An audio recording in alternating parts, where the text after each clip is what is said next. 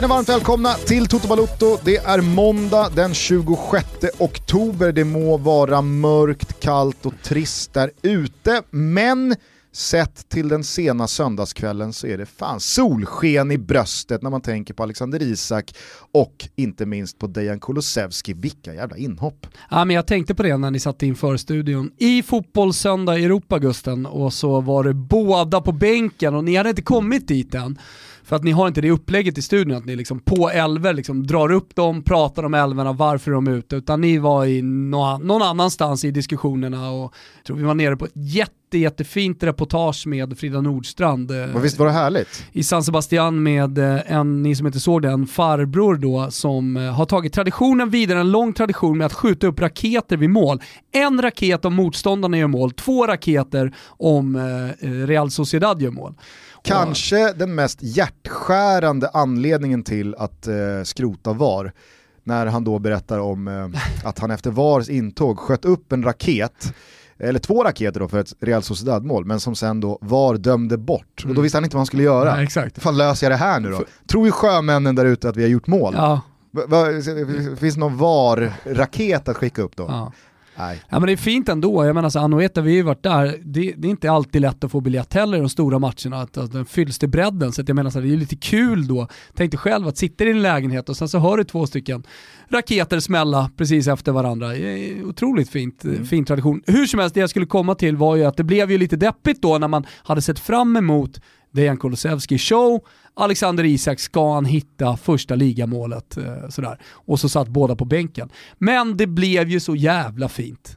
Verkligen. Eller? Det blev nästan bättre. Ja exakt, eh, dramaturgiskt det blev. blev det ju bättre. Exakt, för att det är ju lätt lättare och roligare att göra tv om två inhopp som har blivit bra än om två starter som kanske slutar med att man blir utbytt efter en timme, 65 minuter, som Alexander Isak nästan alltid blir när han startar. Eh, det... Nu skiter ju alla i om du tycker att det är kul att göra tv och vad som är bra tv för dig i en studio lättast, men jag tror att det var jävligt kul för alla som satt upp och kollade på de här matcherna, hoppades på inhopp att, att faktiskt få de två målen. Mm. Alltså det är skillnad en söndagkväll när man sitter och kollar. Verkligen. Nej, det, var, det, var, det var en rolig kväll, men eh, det har ju varit väldigt mycket annan fotboll eh, denna helg. Ska jag börja det här eh, måndagstoto som sig bör med ett svep? Om det är ett klassvep Gusten, då kan du köra.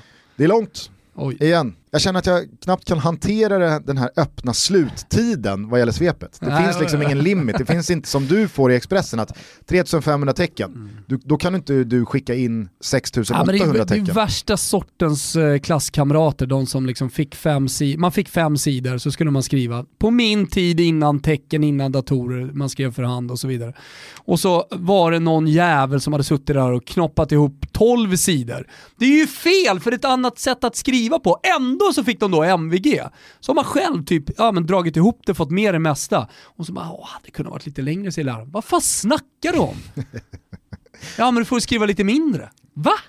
Det är så otydligt. Det fanns ju proffsen då som inte hade fem sidor i sig, som skrev större då. Exakt. Så att det egentligen var drygt tre sidor, ja, ja. men man körde lite radbrytningar här och Ge där. mig ditt ambitiösa svep nu då Gusten. Ja! Det var en fotbollshelg som eh, internationellt präglades av att det nu spelats extremt mycket fotboll på väldigt kort tid. För efter Champions och Europa League i mitten på förra veckan så var det många trötta ben som lufsade ut för ligalunk i helgen. Målkavalkaderna i England mattades av betänkligt från tidigare omgångar och söndagen var något slags bottenrekord i antal skott på mål över tre matcher. Premier League-ledande Everton såg efter Lucas Dings röda kort med 20 minuter kvar ut som en levande soppatorsk. Och det var bland de mest tafatta försök till poängjakt jag skådat. Soton övertygade dock igen och i Che Adams så har Danny Ings hittat sin lekkamrat. Omgångens anfallare är dock Patrick Hattrick Bamford som med sina tre pytsar i den andra halvleken tog ner Aston Villa på jorden. City fick eh, förvisso tillbaka KDB, men de fick se Kunaguero dra baksidan när ytterligare två poäng tappades borta mot West Ham. Och senast vi såg de ljusblå på 13 plats efter fem spelade matcher måste ha varit pre både Abu Dhabi och Shinawatra. Kan det ha varit på Sean Goater och Paul Dickovs tid? Ah, kanske. Då var det fan stil på Manchester City. Leicester och Jamie Vardy knäppte Gunners och Arteta på näsan, Liverpool vände underläge, brottade ner Sheffield United med 2-1 och visade karaktär. Och på Old Trafford spelade Manchester United och Chelsea 0-0 i ösregn. Kanske den tröttaste matchen från en märkligt sömnig PL-helg. Annat var i Spanien där Real Madrid reste sig från förlusterna mot Cadiz och Shakhtar på allra bästa tänkbara sätt. 3-1-seger i det 245 El Clasicot genom tiderna och ännu en gång blev Sergio Ramos målskytt från straffpunkten. Ronald Koeman gnällde på VAR, Lionel Messi var otroligt blek i den andra halvleken och den ene inhopparen var sämre än den andra i hemmalaget. Nej ni Barca, detta ser inte bra ut på något sätt. Det gör det däremot i Alexander Isaks Lareal som med fyra stabila 1 hemma mot Oeska befäste serieledningen i tabellen. Och extra glädjande var att svensken äntligen fick spräcka den nästan fyra månader långa måltorkan i Blåvitt. I David Silva, Porto och Mikkel Oyarzabal så har Real Sociedad en helt otrolig trio bakom spjutspetsen och det är med entusiasm jag ser fram emot att se hur långt detta kan bära för våra vänner från Donostia.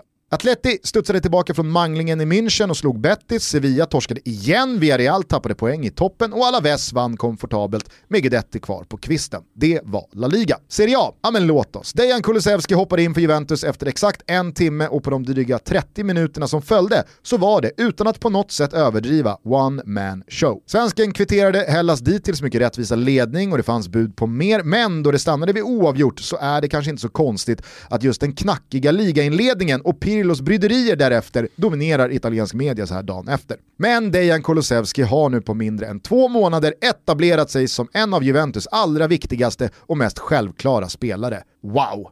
Benevento och Napoli drabbade samman och det kanske inte är något speciellt tänker ni, men så det var faktiskt så att bröderna Roberto och Lorenzo Insigne möttes för första gången. Brorsorna gjorde naturligtvis båda varsitt mål, men det var till slut vitvaran Andrea Petagna som sköt segern till ljusblått. Sampdoria med ny övertygande seger, den här gången borta mot Atalanta. Fiorentina anförda av Gaetano Castrovilli slog Udinese, Cagliari tog andra raka, Lazio slog Bologna och VAR rånade, verkligen rånade Mattias Svanberg på en kasse igen.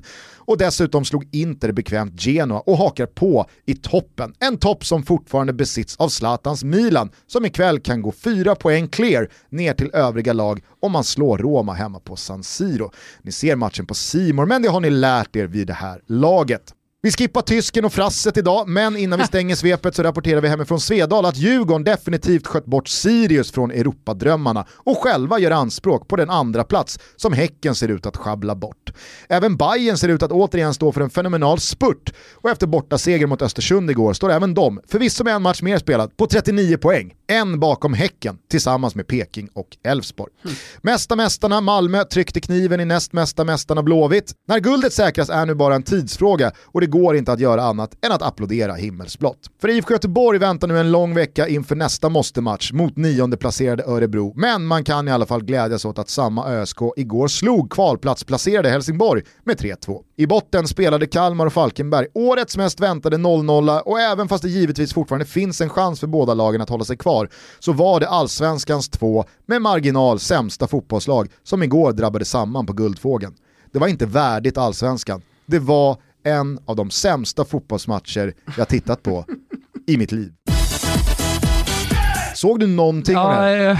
Jag gjorde det eh, av flera anledningar på att säga, men eh, bland annat så har jag stuckit ut hakan kring Blåvitt eh, tidigt på den här säsongen, det har inte undgått någon.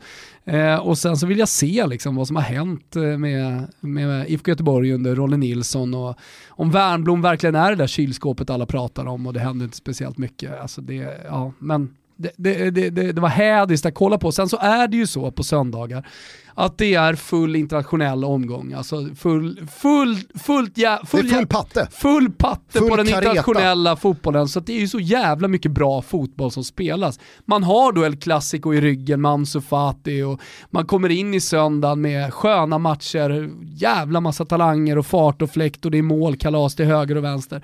Och så liksom knappar man på Malmö Blåvitt och så vet man då att det är i särklass Sveriges bästa lag. Mot, visserligen ett bottenlag, men ändå så här, ja, bra spelare där. Och man bara, fan alltså, ta in den här jävla publiken, här, släck allsvenskan. Så känner jag bara. Ge guldet till Malmö. Ja, men det är ju inte en tv-produkt. Så går vi i det. Allsvenskan är ju inte en tv-produkt. Alltså gå dit, drick bärs med polarna, ta en vurre, massarin, kaffe och liksom ha en nice surra och mys eh, och, och sjung. Sjung, sjung. Sjung för gamla. Men fan, det går inte att se på på tv.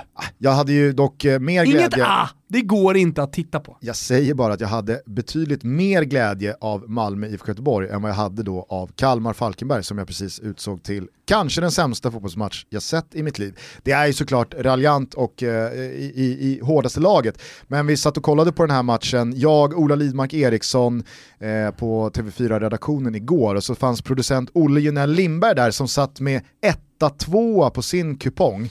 Tänkte man, hur resonerar man när man utelämnar krysset i detta jumbomöte. Alltså det, det, det jag, satt ju, jag, hade, jag hade ju spikkryss. Ja, jo. Eh, och så blir det då en eh, frispark för Falkenberg. En och en halv meter utanför straffområdet, två meter utanför straffområdet. Det sista som sker. Alltså man vet att ah, det här är matchens sista spark. Och så, så sitter jag Och där då med... står det... Ja då står det såklart 0-0. Exakt. Men eh, man, man tänker ju alltid det värsta, jaha, då kommer det. Mm. Men Ola är ganska säker på att nej, det, det blir... Alltså, Han har statistiken i ryggen. Falkenberg, de sätter inte den här typen av, av frisparkar. Den- De har inte gjort på flera år. Den frisparken som slås, trött, löst, nästan duffat i maghöjd i muren. Det, det är så... jag, vet, jag, vet inte vem det var som slog den, jag hade inte ljud på så jag, hör, jag, jag, så, jag såg inte med blotta ögat vem det var i Falkenberg. Det är ingenting jag skäms över. Ute i Alltså, Djursholm just nu Gusten så pågår en tillslagskamp camp med Sebastian Jägerstig, jävligt bra instruktör. Skicka han dit, jag har min dotter där som är 11 bast och håller på att lära sig träffa bollen. Kan ju vara läge för att skicka hela Falkenberg och kanske ta mer Kalmar också. Ja, jag vet inte om någon kan hjälpa oss att liksom klippa ur den här frisparken som Falkenberg slår. Men det, det var en frispark som symboliserade den här 0-0 matchen eh, mellan eh, 16 placerade Falkenberg och 15 placerade Kalmar. Eller om det nu är vice versa. Jag vet bara att båda två ligger sist och näst sist. Och nej, det, det, det, var, det var liksom en sån här match som det, det, det, det, kändes så, det kändes så uppgivet. Nu var, nu var ju Malmö mycket bättre än IFK Göteborg och de är ju mästare. Och efter den här matchen så verkar alla vara överens om att Malmö FF eh, vinner guldet. Ja men herregud, du, Nej, nu, men- jo men alltså nu, nu är det ju 10 poäng med fem Jo, matcher jag kvar. fastslog det i juli. Jag menar, jag var tidig, men det finns ju de som liksom är sena också. Allt Mm. kan hända och sådär. Ja. Men, eh, men... Men nu är det inte mycket haka man sticker ut om man ropar guld till, till Skåne alltså, om jag har de här känslorna efter Malmö FF mot IFK Göteborg, tur att jag inte såg eh, Falkenberg-Kalmar då. Nej. Nej. Nej. faktiskt. Eh, man kan i alla fall konstatera att det blir eh, jäkligt jämnt och spännande där bakom Ja. eh, vad gäller Ja, Europaplatserna. det är ju härligt att det finns lite dramatik kvar. För som jag sa så är det bara en poäng för både Djurgården, Hammarby, Elfsborg och Peking upp till Häcken som är tvåa. Och även fast den här corona-allsvenska säsongen är vad den är och jag, jag, jag tror nog att många delar din känsla av att släck bara ner, ge guldet till Malmö så går vi i det och glömmer det här. Så är det ju fortfarande Europaplatser som ska fördelas och som kan vara av stor betydelse för både Ja, ja, menar eh, att nästa- sportsligt nästa och ekonomiskt eh, nästa år Ja, när, när publiken förhoppningsvis är tillbaka på arenorna och så vidare. Eh, då, då, är ju, då är det här eh, otroligt stor del. Men släpp in mig då när du märker att jag har ett jävla inspel. Annars blir det att jag överröstar dig. Jag visar väldigt tydligt här att jag vill bara komma in och säga det. Ja, det blir kul nästa sommar när vi ska åka ut mot ett skotskt jävla skitlag eller vad vet jag. Var spelar man någonstans? Längst ut i öst. Alltså vi, Ukraina. Det är Ungern och Ja, Ungern och sånt. Baltikum. Ja, och- i, I liksom den första omgången. Det är liksom 14 omgångar kvar innan man kommer till någon, någon viktig kvalmatch. Där, där ska då något av de här lagen som slåss om den sista Europaplatsen åka ur. Ser vi fram emot. Vi är denna vecka sponsrade av Lavazza som producerar det finaste av italienska kaffen. Ja, det tycker jag verkligen. Det är mitt kaffe, det är ditt kaffe numera, Gusten. Det är ett kaffe Vi- för alla. Ja men det är, det är verkligen ett kaffe för alla och jag tycker att det är viktigt att poängtera också när vi säger att det är ett kaffe för alla, att det finns i flera olika former. Det finns espresso, det finns i bönor, men det finns också i brygg. Så gå till din vanliga butik, eh, betala lite mer för ditt kaffe. Ta ett finkaffe, eftersom man dricker så mycket, ge, ge dig själv lite italiensk passion och lite kvalitet på kaffet. Köp eh, Lavazza Rossa. Vi var ju hos eh, Julia och Ida på Lavazza och Jajamän. fick lära oss mer om kaffe. Eller jag fick i alla fall lära mig väldigt mycket. Du satt där och mest kunde allting va? Äh, men man är, jag har ändå, ändå bott i Italien, alltså jag flyttade ändå ner till 2002. Så man har ju lite koll på, på kaffesorterna va. Du visste vad du pratade om? Ja, jag visste definitivt. Jag visste att eh, Lavazza var från eh, Piemonte och eh, Turin. Jag visste att det var ett premiumkaffe och eh, framförallt så, så kunde jag ju smaken redan innan jag åkte dit, på Qualità Rossa. Alltså, när jag sätter näsan i Qualità Rossa, då känner jag chokladen, jag känner det rostade kaffet, men framförallt känner jag hasselnöten. Att det är så gott. Alltså. Jag trodde du skulle säga att du känner att du kommer hem. Ja men det gör jag också. Mm. Jag känner att det kommer hem. Det fanns ju hur mycket att lära sig om Lavazza och eh, deras kaffe, men det i alla fall främst ta med mig från timmarna med mm. Julia och Ida, det var hur mycket godare det är att dricka kaffe med lite kärlek och lite extra passion bakom. Mm. Och hur enkelt det är att göra själv. Ja, nej men herregud. Man behöver ingen treårig baristautbildning och nej. tio år på stöven för att nu. kunna göra ett gott kaffe till sig själv på morgonen. Verkligen inte. Nu är ju kaffekonnässör Ida såklart eh, en förespråkare för att man maler sina bönor i och med att det håller längre och, och det blir bättre. Och det är enkelt att bara köpa en kaffekvarn så kan alla göra det. Men jag gillar att de har gjort det tillgängligt för alla så att du kan även liksom rycka ett paket bryggkaffe eh, och, och få ja, men just, eh, just ett kvalitetskaffe i munnen till skillnad från eh, det vanliga skräpet ni dricker. Qualità Rossa finns eh, genom Lavazza i bryggkaffe, det finns malen espresso och det finns hela bönor. Så att, lägg vantarna på en påse Lavazza Qualità Rossa redan idag. Ja, gör det. Gör som jag. Gör Lavazza till ditt kaffe. Och det tror jag att man ganska stolt kan säga till sina polare sen efter. Vad dricker du för kaffe? Oh, jag dricker bara Lavazza Qualità Rossa. Ja, du hör ju Gusten. Ja, jag hör faktiskt. Mm. Vi säger stort tack till Lavazza för att ni är med och möjliggör Toto Balotto. Grazie mille. Vi är sponsrade av våra vänner på Kia, bilmärket som faktiskt slagit sig fram till att bli tredje störst i Sverige. Ja, och om man kollar bara på augusti så är faktiskt Kia Niro, bilen som jag kör Gusten, den mest sålda bilen i Sverige. Mm. Idag så är över 50% av Kias försäljning i Sverige laddbar och sedan 2018 så är Kia störst på laddbara bilar. Har ni varit mm. med Toto under sensommaren och hösten så vet ni att Kia verkar för en hållbar framtid och du har eh, rattat runt en Kia här på sistone. Ja exakt, faktiskt väldigt, väldigt glad över det. Alltså, jag har en laddhybrid, den, just Kia Niro finns ju både som hel elbil eh, och eh, även som vanlig hybrid. Jag kör då laddhybrid för det passar mig väldigt bra. Jag är mycket skjuts och hämta och eh, hela tiden barn i bilen, det ska till skolan och det, man ska på fotbollsträningar och teater och allt möjligt. Och då är, det, då är det så jäkla bra för då kan man köra på elen. Den går ju upp till 49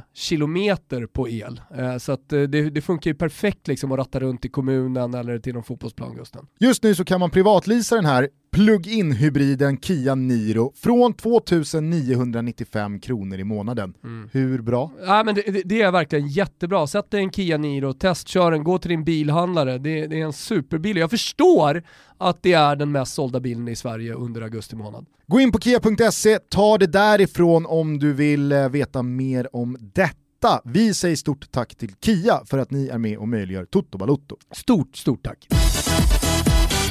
Ja men ska vi eh, hålla oss eh, utomlands då?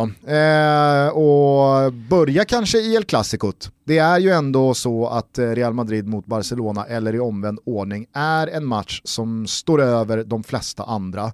Eh, jävlar vad fin första halvleken var åt båda håll. Det var en match som jag tycker La Liga behövde. Mm. Det har varit en ganska tillknäppt inledning i Spanien om man jämför med i synnerhet och Serie A och Premier League där målen bara har rasat in och det har varit galna resultat och det är, det är den ena målfesten efter den andra så har det ju varit i Spanien och La Liga matcher där det har varit 0-0 och 1-0 och ja, men ganska, så, ganska så trista tillställningar. Här var det ju verkligen Real Madrid, Barcelona som båda gick ut och gick för segern. jag tror att eh, matchen påverkades, eller präglades kanske då, väldigt mycket av inledningarna för båda de här lagen. Jag menar Zinedine Zidane var ju för andra gången eh, där och hotade om att han skulle avgå inf inför den här matchen och vi kommer ihåg hur det gick sist inför, eh, eh vad var det, åttondelsfinal mot PSG va? Mm. Det hade gått rätt svagt under hösten, han kände väl att eh, men det, här, det här kanske inte är min grej, jag kanske inte ska hålla på med det här.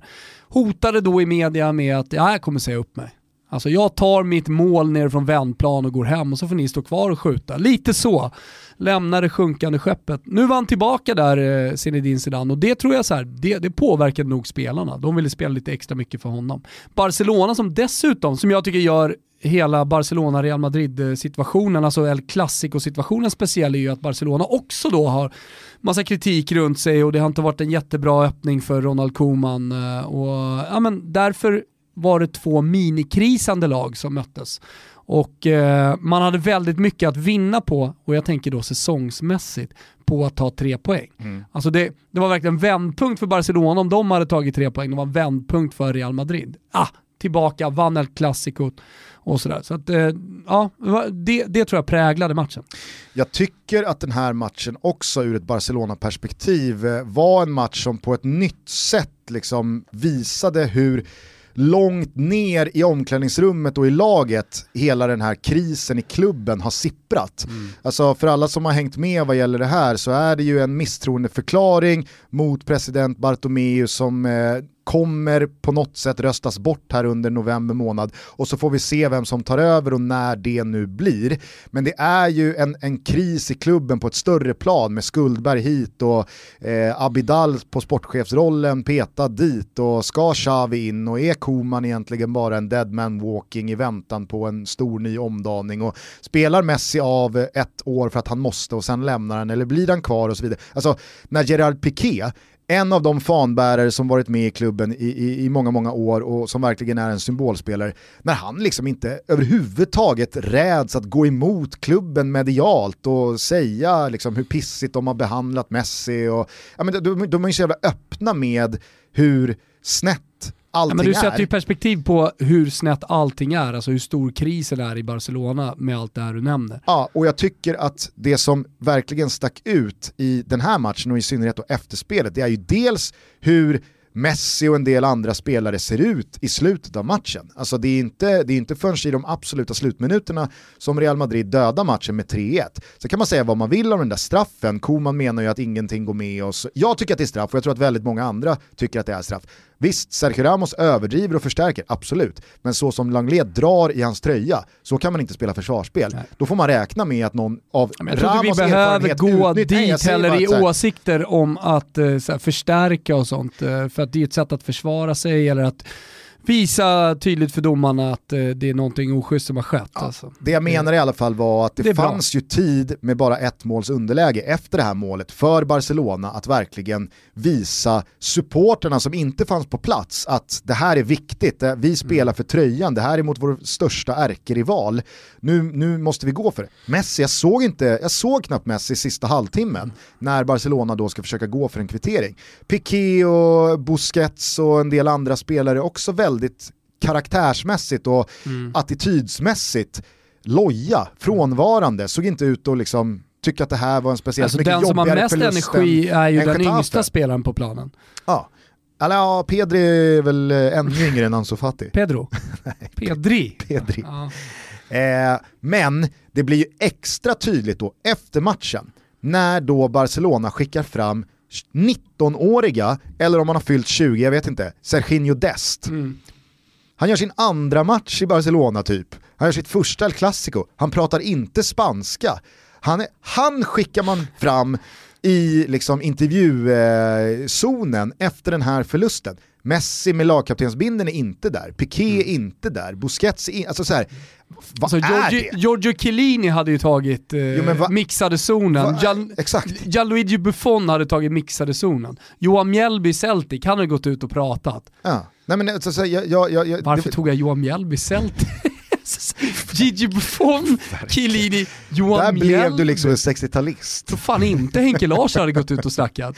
Nej, men Henke Larsson han hade ju hållit käften, han hade gjort som Messi. Håll med om att det, i det läget, där är det så här, där får fan Messi eller Piqué eller vem det nu är av fanbärarna, lägga grollet 100%. med klubbledningen åt sidan och faktiskt 100%. gentemot supportrarna ställa sig och, och, och, stå upp för laget och det sportsliga. Och ja men för det som... blir ju ytterligare en dimension när supportrarna inte kan vara på plats heller. Alltså när alla sitter hemma, då förväntar det ännu fler tv-tittare, ännu fler som förväntar sig att höra någonting från de viktigaste spelarna, ja. så kommer ingenting. Ja, att jag tyckte att det, det var liksom nästa steg mot eh, ja, men inte, inte total kaos, men det, det, blev i alla fall ytterligare ett steg mot att Barcelona befinner sig i en ohållbar situation mm. som nog kommer sluta och nog måste sluta med att både en och två, tre och tio rötter rycks upp och man börjar om totalt. Mm. För att, nej jag vet inte, jag, jag, det, jag, jag blev lite besviken på Messi börjar... och Piqué att de mm. inte kunde liksom se till supportrarna och fotbollslaget Barcelona som efter en sån här förlust mot Real Madrid i det här läget fan, ta sitt ansvar. Ja, men liksom. nu är vi så jävla tidigt på säsongen så att eh, vi ska inte summera någonting, men det skulle inte förvåna mig att när vi väl sitter där och summerar så ser vi tillbaka på ett eh, ja, men otroligt mellanår. Alltså mellanår med stort M i Barcelona och att då Ronald Koeman i stab med Henke Larsson kanske faktiskt också då värvades in just för att bara som man i Italien säger, eh, tar skutan hela vägen in i hamn. Eh, och, och sen så kommer då det, det, det liksom den stora revolutionen, om man ska säga, när man, när man har hittat rätt tränare och man kanske har stakat ut en väg för en längre framtid. För att jag, är, jag är i alla fall ganska övertygad om att om man frågar Barcelona-supportrarna nere i Katalonien så, så, så ser man ju inte direkt långsiktigt på det projektet som är nu. Utan det är ju på enstaka prestationer och enstaka spelare, typ Ansu Fati då, som, eh, som verkligen kan, eh, kan ja men fan det måste också sägas, alltså, även om inte Messi går nästa år så börjar han närma sig 35-strecket.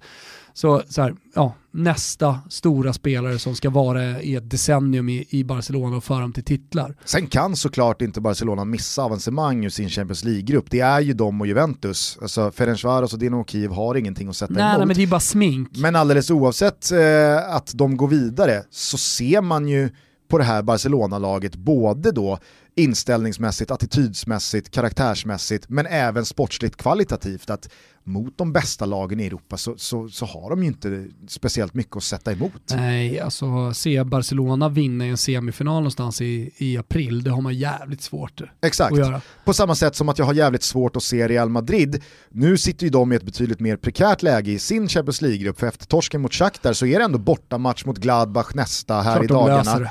Jo, men ett Antonio Conte-Inter kan jag se både ta 4 och 6 poäng mot Real Madrid.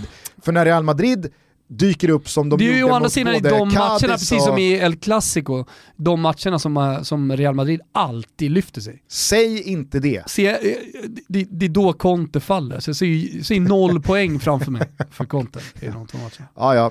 Jag menar bara att även fast Real Madrid skulle lösa avancemang i Champions League, och det är de ju fortfarande favoriter till att göra trots torsken mot Shakhtar, så tycker jag inte heller att Real Madrids säsongsinledning och deras kvalitet i truppen tyder på att de kommer sätta av mot en Champions League-final och ännu en buckla där. Mm. Utan det är ju två lag som inte är i, i, eh, i sina bästa eh, tappningar. Och Real Madrid kommer nog behöva förändra rejält, göra en ordentlig värvning som faller väl ut. För att, ja men hur länge har vi pratat om det nu?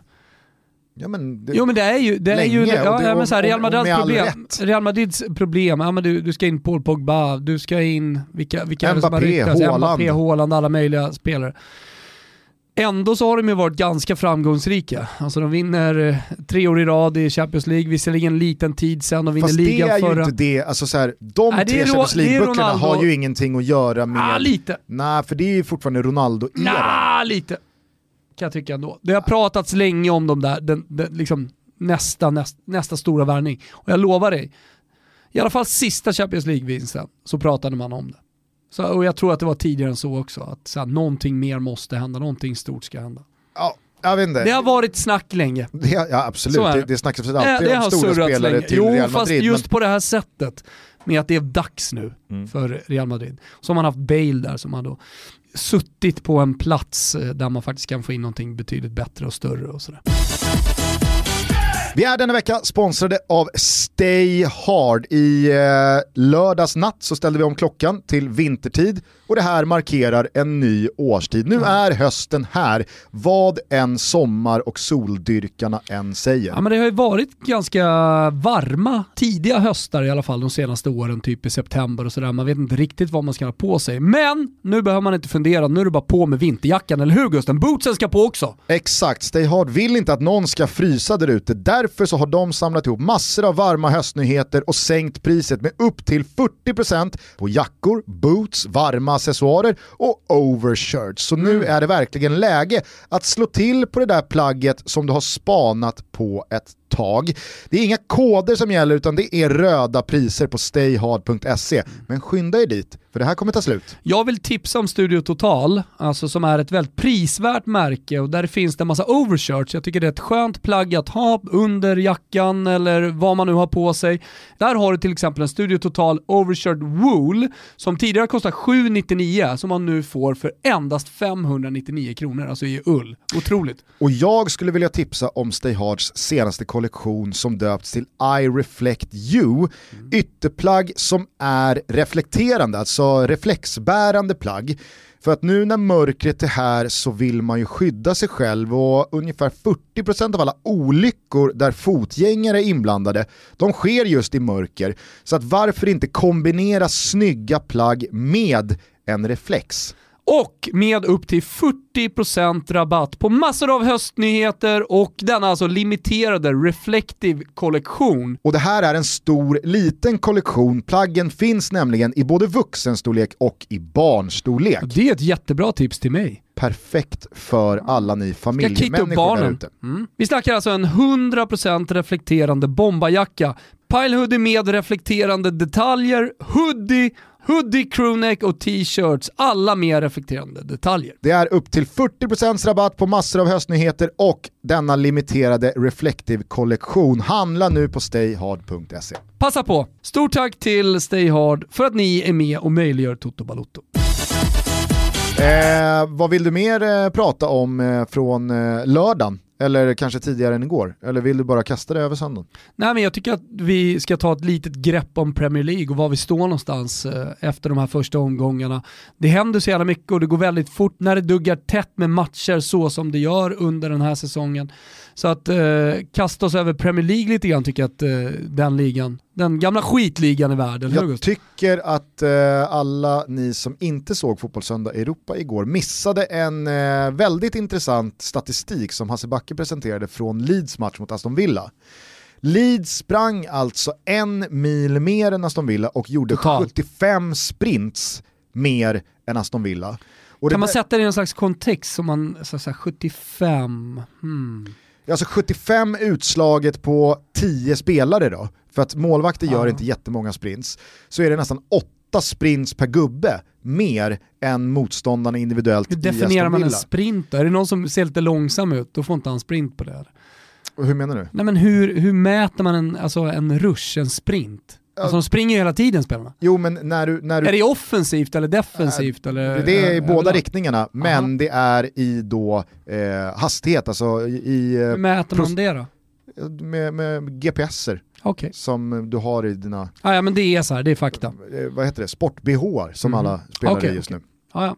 Och det där tycker jag faktiskt är, eh, kanske inte just milen, för jag är helt övertygad om att ett lag som Kilometer mer per Leeds, spelare. eh, när man då leder med 1-0, 2 när man får 2-0 i mitten på andra halvlek, ja då, då är det klart att man lyfter sig och kan springa ett par hundra meter extra för att man har poäng att bevaka om man är på väg mot segern samtidigt som det då går ner kanske lite intensitet för, för andra laget och så vidare. Det tycker jag är en naturlig eh, grej. Men just de här sprintsen tror jag är en detalj som vi kommer höra mer och mer om i världsfotbollen som eh, en, en stor förklaring till varför matcher går åt ena eller andra maxlöpningarna, håll. Exakt.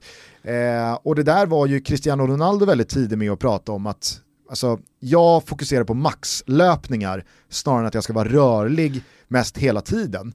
Det är inte så att man, man deltar i en match i 90 plus tillägg och hela tiden Du vinner inga matcher på att såsa runt på planen. Men, Nej. men, men kan, kan det vara så då att eh, maxlöpningarna kommer överta andra bollsvinnandet? Det man alltid pratade om på 80-90 och till viss del även på 10-tal. Vi måste vinna andra bollarna gubbar. Ja, Nu börjar man prata maxlöpningar lite mer. ja, absolut. Man hör inte jätteofta Hasse Backe och statistikerna prata om andra bollsvinsterna. Nej, inte längre. Nej. men det är, väl, det är väl absolut någonting som tillhör en fotboll från en svunnen tid. Kommer du ihåg när de revolutionerande siffrorna från Fredrik Ljungbergs tid i Arsenal kom? Att han stod stilla sex sekunder av en match. Och man blev så här, oj herregud. Ja men det var ju bara att han inte stod blick stilla. I sex sekunder. Sen om man gick eller joggade eller lufsade, eller så här, det spelar inte så jävla stor roll. Sex sekunder är länge att stå stilla på en hel match. Jo men det är också så här, det är ju också en helt betydelselös fakta. Ja, ja. För det handlar ju om så här, jaha vad gjorde han de andra Ja, men det 89 gäller- minuterna och 54 sekunderna? Då är det ju mer så att Cristiano Ronaldos 44 maxlöpningar fler än någon annan eh, gör Mm. Ja men får du maxlöpningar på ett helt lag också, många fler, ja men då händer det ju någonting och du river upp och du skapar ytor. Ja. Eh, men jag tror också att, eh, på tal om andra bollar, jag tror att det har att göra med att alla lag i uppspelsfasen mer eller mindre utgår ifrån att rulla ut bollen. Mm.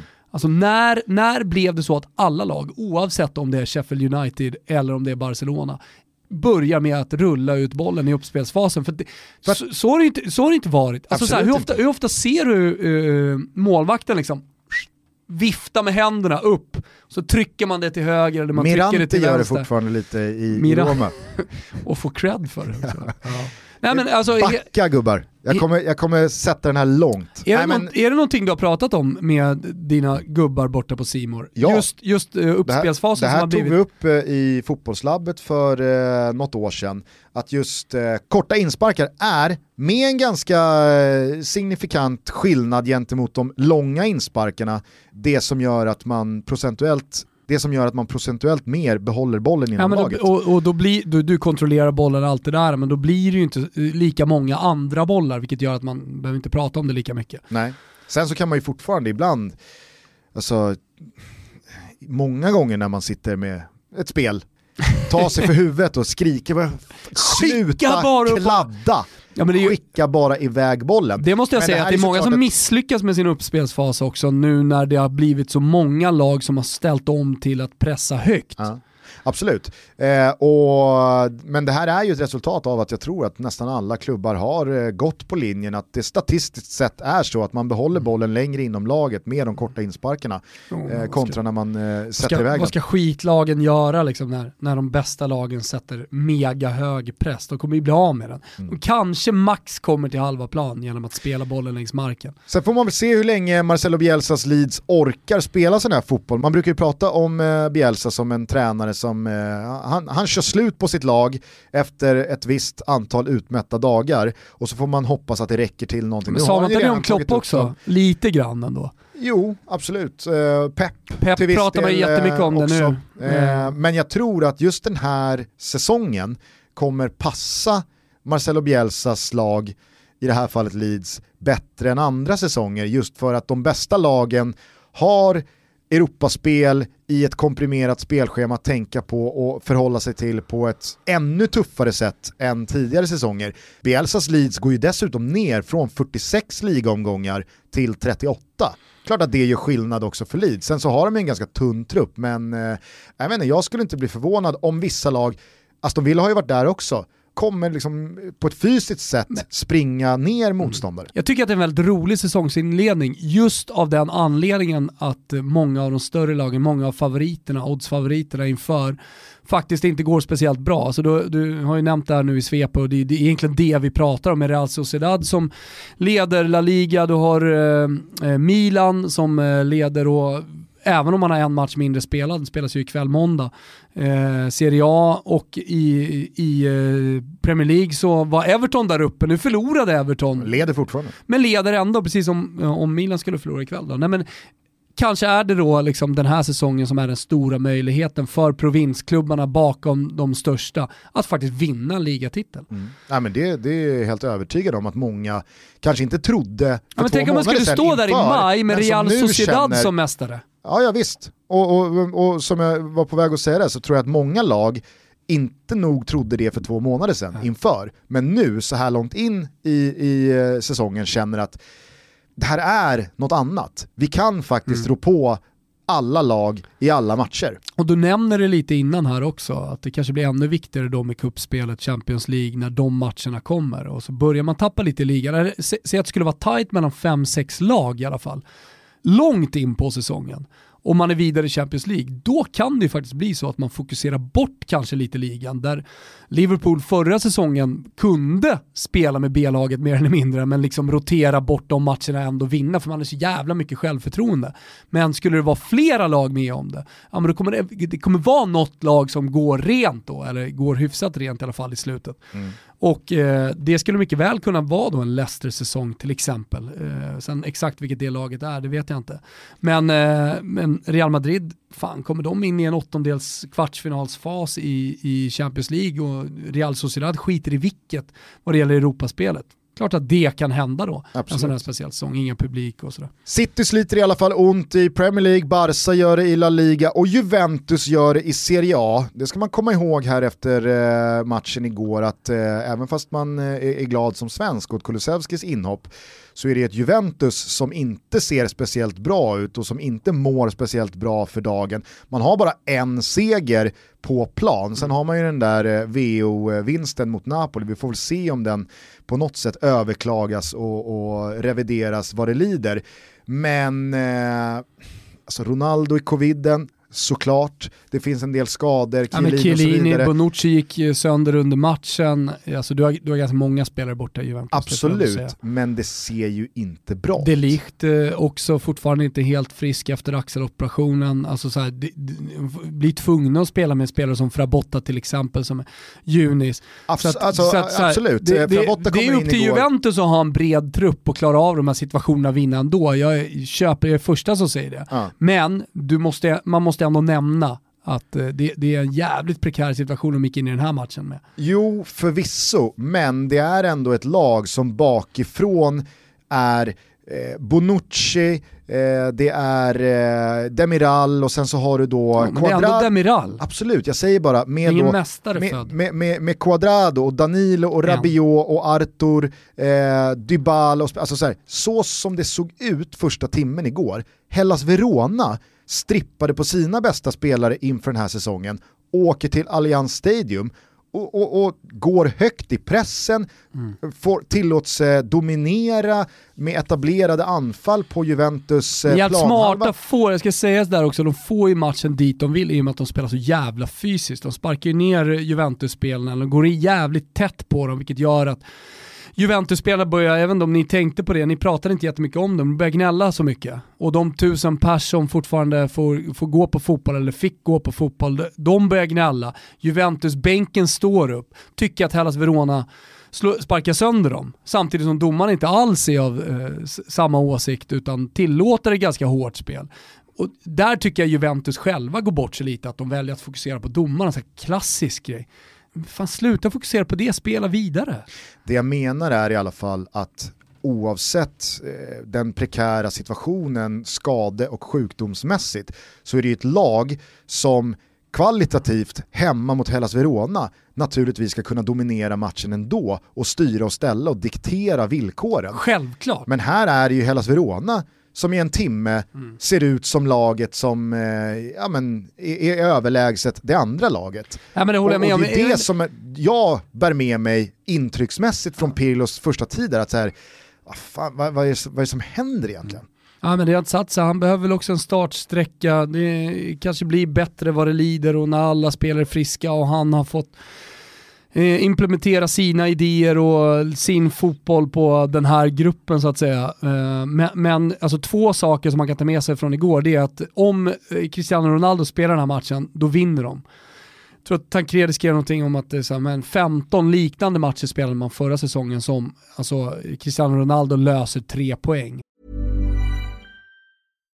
Subtle results, still you, but with fewer lines. Botox Cosmetic, out of botulinum toxin A, is a prescription medicine used to temporarily make moderate to severe frown lines, crow's feet, and forehead lines look better in adults. Effects of Botox Cosmetic may spread hours to weeks after injection, causing serious symptoms. Alert your doctor right away as difficulty swallowing, speaking, breathing, eye problems, or muscle weakness may be a sign of a life threatening condition. Patients with these conditions before injection are at highest risk. Don't receive Botox Cosmetic if you have a skin infection. Side effects may include allergic reactions, injection site pain, headache, eyebrow and eyelid drooping, and eyelid swelling. Allergic reactions can include rash, welts, asthma symptoms, and dizziness. Tell your doctor about medical history, muscle or nerve conditions including ALS or Lou Gehrig's disease, myasthenia gravis, or Lambert Eaton syndrome and medications, including botulinum toxins, as these may increase the risk of serious side effects. For full safety information, visit BotoxCosmetic.com or call 877 351 0300. See for yourself at BotoxCosmetic.com.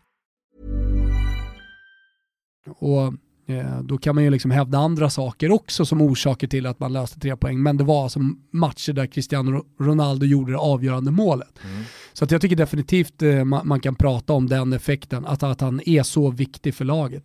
Och Det andra är om man, om man då tar med sig det Gazzetta dello Sport skriver i sitt, eh, sin kommentar till betyget på Kulusevski, han blir bäst på plan i Juventus trots att han bara spelat 30 minuter, är att det går inte i det här läget i, för Andrea Pirlo att sätta honom på bänken. Han måste starta. Och det tycker jag också är väldigt tydligt. Eh, Sen tyckte jag att det var en superrimlig Eh, rotation för att han spelar mycket. Han har spelat mycket, det är Barca i veckan, Hellas Verona ska man kunna slå mm, ändå. Mm, mm. Så att jag förstod Nej, men, och det, och, att han Men då, det går ju inte. Det är det som är så jävla intressant. Alltså hur, hur du, du sa oumbärlig, hur oumbärlig han har blivit. Han är ju helt dominant när han kommer in. Alltså han är, det, det, det, är så tydligt att det är en spelare på den här planen som eventuellt kommer kunna lösa poängen, en eller tre till Juventus, och det, mm. det är Kulusevski. Det är inte Dybala igår, och sen har Dybala haft en skade eh, fylld eh, säsongsinledning, det har varit corona och han har inte spelat speciellt mycket så det, där finns det en form fortfarande att hitta och den kommer man att hitta och han kommer att kanske också bli oumbärlig vad det lider. Men liksom, Kulusevski i den här formen, spela han. Mm. Ja, det var otroligt att se det där inhoppet, vilken impact han hade på laget. Sen störde jag mig på studion i efterhand, mm. att ni inte blev mer förbannade på domaren, kritiserade domaren mer för att han ger gult kort till Kulusevski. Det liksom viftades bort lite. Kulusevski gör ingenting. Backe säger i ett läge så här. och så reagera. Reagerar han? Det kommer en snubbe bakifrån, nyper honom i skinnet bakifrån och han vänder sig om och direkt så uppfattar Kulusevski att shit, han söker bråk, han vill ha kort på mig. Så han vänder sig direkt igen och går bort ifrån situationen. Han gör ingenting som man kan få gult kort för. Efter matchen så går han fram till domaren direkt och då ser man med, med hans gester att han liksom visar det, pekar bort att gå och titta på den här situationen själv i efterhand så kommer du se att du gjorde fel. Naivt av Kulusevski. Jo, jag förstår att det är naivt, men han gör ingenting och ändå får han gult kort. Ja, så reagerar han, säger Backen. Han reagerar inte, det han inte gör. Och det är det som är så jävla ballt, det ger ju ytterligare en dimension på Kulusevski. Att trots att det kommer en snubbe i en het situation, i en match som står och väger, nyper honom i nacken, så reagerar han inte. Och så får han ändå gult kort. Det är väl, en, det är väl skitsamma, det är väl vad, vad som händer och det spelar ingen roll, alla ser att det inte är gult kort. Men att det inte, att det inte, att det, att det inte används i studion i efterhand för att eh, prata om karaktären Kulusevski. Nu gör jag det istället. Vilken jävla karaktär! Det bara lyser i ögonen, han vill ha boll i precis alla lägen. Han vill utmana sin spelare oavsett om det är i djupet med fart eller om det är små ytor. Han vill gå på skott, han vill hitta sina medspelare och han har en jävla karaktär där han går ifrån en situation som, eh, där en spelare nyper honom i nacken. Alltså totalbilden av Kulusevski är att han är så jävla härlig. Mm. Ja, verkligen. Är bra att du håller oss på tå här mm. med studiejobbet. Mm. Jag tycker också att eh, alltså, det, det, är fascinerande med Kulusevski hur mycket eh, alltså, enmannaorkester han är, alltså hur, hur, bra han klarar sig helt själv. Vissa spelare är ju beroende av kombinationer, att man med rätt lekkamrat kan få ut det bästa av en. Men Kulusevski är ju en spelare som ge mig bollen vid mittlinjen, så visst, så kan jag hitta, någon, jag, jag, kan hitta någon i ett ännu bättre läge och jag är en bra passningsspelare och det är inte så att han är egotrippad till 100%. Men han har ju också den här förmågan att jag kan, jag kan göra det här helt mm. själv, det är lugnt. Eh, och det är ju verkligen eh, inte att underskatta. Ja, men jag tror att det var ett jävligt bra första år om man eh, återigen bara så blickar tillbaka lite på det som har varit. Ja, men perfekt skolning i BP, perfekt att komma till Atalanta tidigt för honom. Eh, och sen så perfekt utlån till Parma som spelade en omställningsfotboll, vilket vilket eh, ofta betydde att Kulusevski fick bollen på halvplan och sen skulle han göra någonting. Mm. Och sen så blev ju det strul med Jervinho, så han fick inte spela, då blev Kulusevski istället spelaren man hela tiden sökte. Och så skulle han göra det från halvplan och framåt. Och det, det, det ledde ju ofta till en mot en situationer, så han fick liksom utveckla det i matchspel under en hel säsong. Och det tror jag han har liksom med sig eh, otroligt mycket nu i Juventus. Ja, det är, det är häftigt att se hur mycket han har vuxit in i det här på så kort tid. Jag tycker också när han gör målet att han vänder upp på ett sätt och hans kroppsspråk där är verkligen så här det här är mitt lag som jag leder. Jaha, Ronaldo är borta, då får väl jag steppa upp då. Mm. Jävla medryckande. Ja, medryckande. medryckande. Och uh, på tal om upplyftande som du pratade om uh, kring El Clasico, uppiggande med den matchen.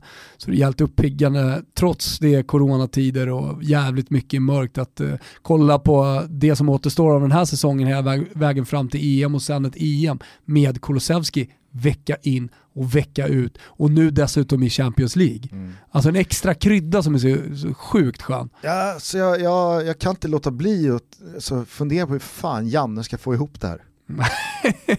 Hur, fan, hur ska han formera det? Men hur ska han få in alla de här spelarna ja, se, i elvan. Säg att, säg, du ser ju vad Jordan Larsson gör i Ryssland nu också, Nej, bara bombar in klassmål efter klassmål, assar, är superbra. Ja, Marcus Berg, ja nu har jag en speciell relation med Janne Andersson som eh, verkar betyda att han eh, liksom ska starta varenda match. Men skitsamma, säg att han gör en bra säsong också i Ryssland. Det är klart eh, han ska aspirera på en startplats. Det, det har inget med ålder att göra tycker jag. Sen tycker jag, sen, oavsett vad folk, innan du fortsätter bara, förlåt, mm. alltså, alltså, folk gör det jättebra i sina respektive klubblag.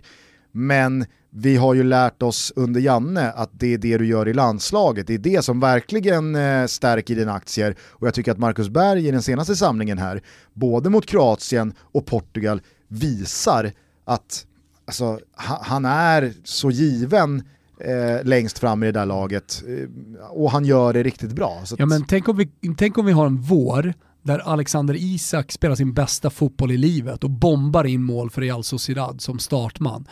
Du har Kulusevski som har tagit sitt spel kanske ytterligare en nivå. Alltså, du, du, vi pratar om en av världens absolut eh, bästa offensiva spelare.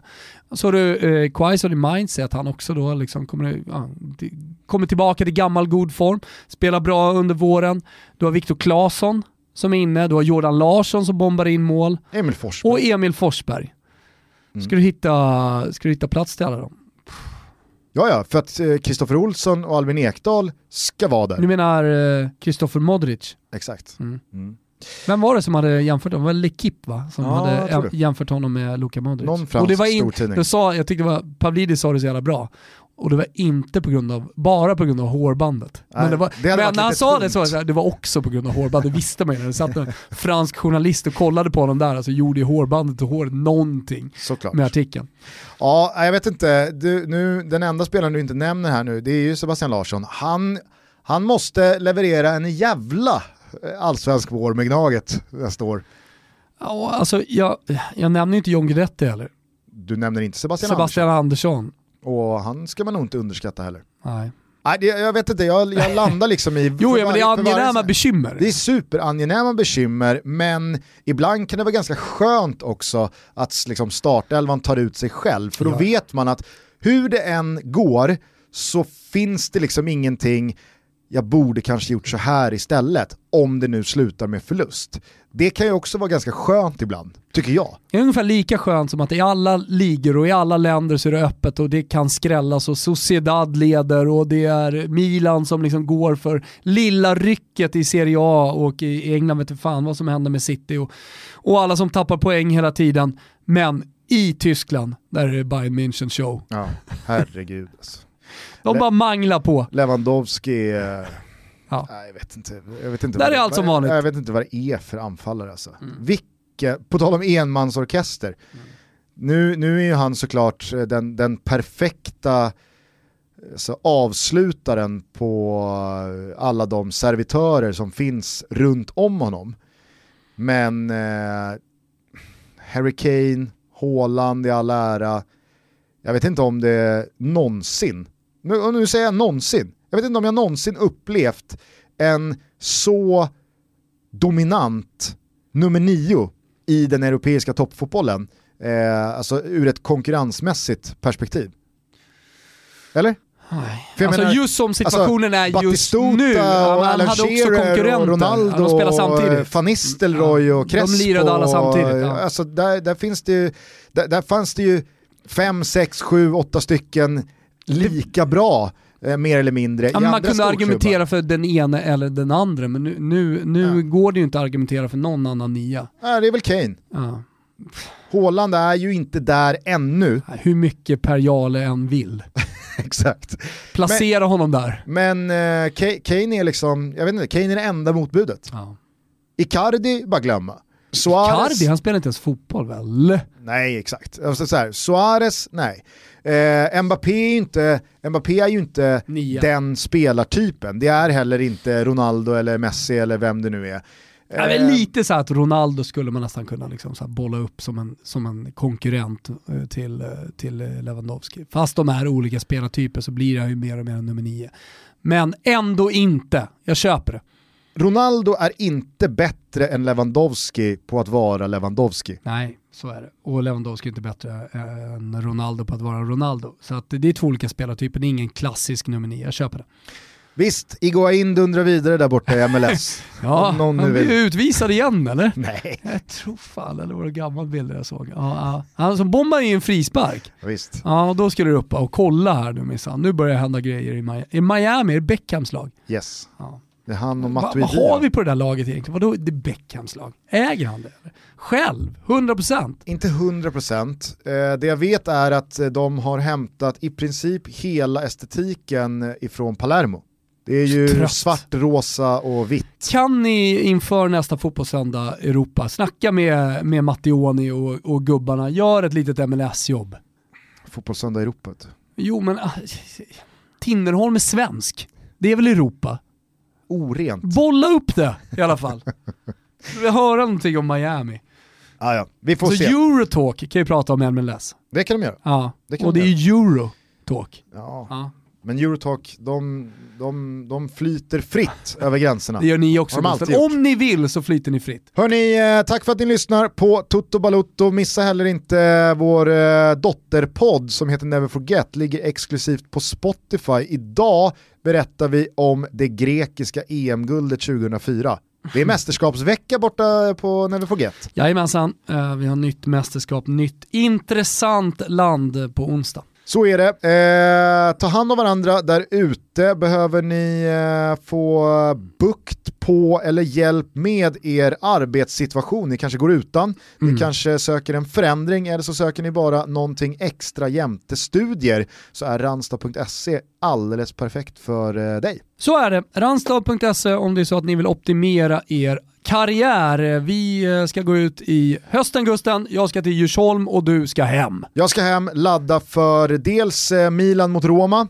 Det blir eh, spännande att se vad Zlatan kan göra med... med Han tillåter ju i det här läget, med Juventus som tappar poäng, han tillåter ju inte det laget förlora ikväll. Nej, men Alltså det är, tre, alltså- alltså han, det är, det är sån trepoängsgaranti Jag vet, på den inte, här jag vet matchen. inte hur många gånger jag som Roma-supporter har mött Zlatans lag och bara vetat. Samma här, jag tror alla känner likadant. Man tar ett på förhand. Ja, ja. Två, det är ett för mycket. Tre blir bara jobbigt. Men man vet att Zlatan gör mål när han möter Roma. Solklar trepoängare. Och sen så har vi lagkaptensbinden på Harry Kane i fantasy när han, Oj. Son och Bale och gänget ska ut mot Wow. Burnley. Va? Vilken måndagkväll det blir! Eh, dessutom så är det väl eh, Peking-Gnaget. Jajamensan.